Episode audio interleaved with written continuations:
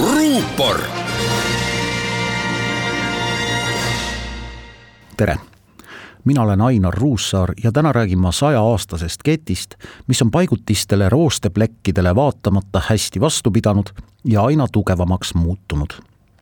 Augustis tuhat üheksasada kaheksakümmend üheksa Tallinnast Vilniusesse kulgenud ja erinevaid naaberrahvaid ühendanud vabadust nõudev inimahel võttis tookord sõnatuks isegi CNN-i palju näinud uudisteankru, kes Ameerika Ühendriikide satelliitpilti kuuesaja kilomeetrisest Balti inimketist otse-eetris kommenteerima pidi nüüd on kolme naaberriigi ametlikud suhted saanud sajaaastaseks ja Eesti riigipea visiit lõunanaabrite juurde selle juubeli märkimiseks tähenduslikum kui pelgalt sümboolne külaskäik tuhande üheksasaja kahekümne esimese aasta veebruaris tunnustas Eesti kahte lõunanaabrit iseseisvate riikidena.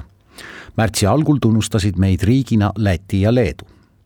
Balti kett sai tegelikult alguse juba siis, mõned teised meiega sarnast saatust jaganud riigid ja rahvad pole aga suutnud ketiga võrreldavat tugevat ühenduslüli luua.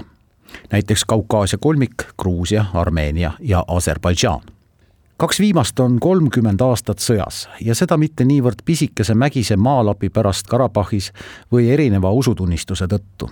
tegemist on leppimatu vaenuga kahe rahva vahel.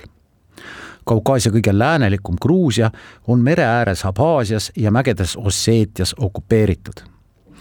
selle riigi suhted suuremate naabritega on jahedad kas või seepärast, et nafta- ja gaasirikas Aserbaidžaan ning üsnagi vaene Armeenia on vaid mõnede demokraatia tunnustega riigid, kellega Euroopa Liitu ja NATO-sse pürgival Gruusial on sageli poliitiliselt keeruline ühist keelt leida. Niisiis ei saa Taga-Kaukaasia puhul rääkida mitte ketist, vaid pigem podisevast katlast muidugi on ka Eesti, Läti ja Leedu vahel olnud nagistamist, nagu naabrite vahel ikka ette tuleb muidugi on kolm Balti riiki otsinud põhjusi olla naabrist parem. Leedu kuulutas ennast iseseisvaks juba märtsis tuhat üheksasada üheksakümmend. Eesti võttis esimesena käibele päris oma raha, lätlased tunnevad uhkust piirkonna suurima pealinna üle. Naabrid viskavad üksteise üle vahel ka kurja nalja. eestlastele omistatakse tigedat väidet lätlaste kuuest varbast. lätlased ja leedukad teritavad hambaid eestlaste aegluse üle kui lõunanaabrid näevad kahte eestlast tänavanurgal juttu puhumas, siis ei jäta nad märkimata, et näe, põhjanaabrid jooksevad. ühe parima vimka viskas aastate eest Läti päevaleht Tiena, avaldades esimesel aprillil naljana mõeldud kaitsejõudude salajase plaani Ruhnu saare okupeerimise kavast.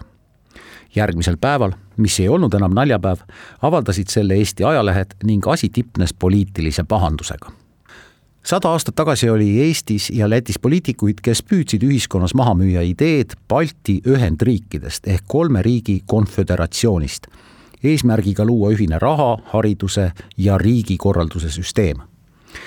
Õnneks ei saanud sellest ideest asja ja täna oleme me kolmekesi uhkelt ja iseseisvatena niikuinii samas rahaliidus ja veel kahes ühiskodus Euroopa Liidus ning NATO-s võimalik, et kavandatava Rail Balticu raudteetrassi ja tuulepargi kaudu oleme tulevikus ka rohkem ühises transpordi ja energiasüsteemis.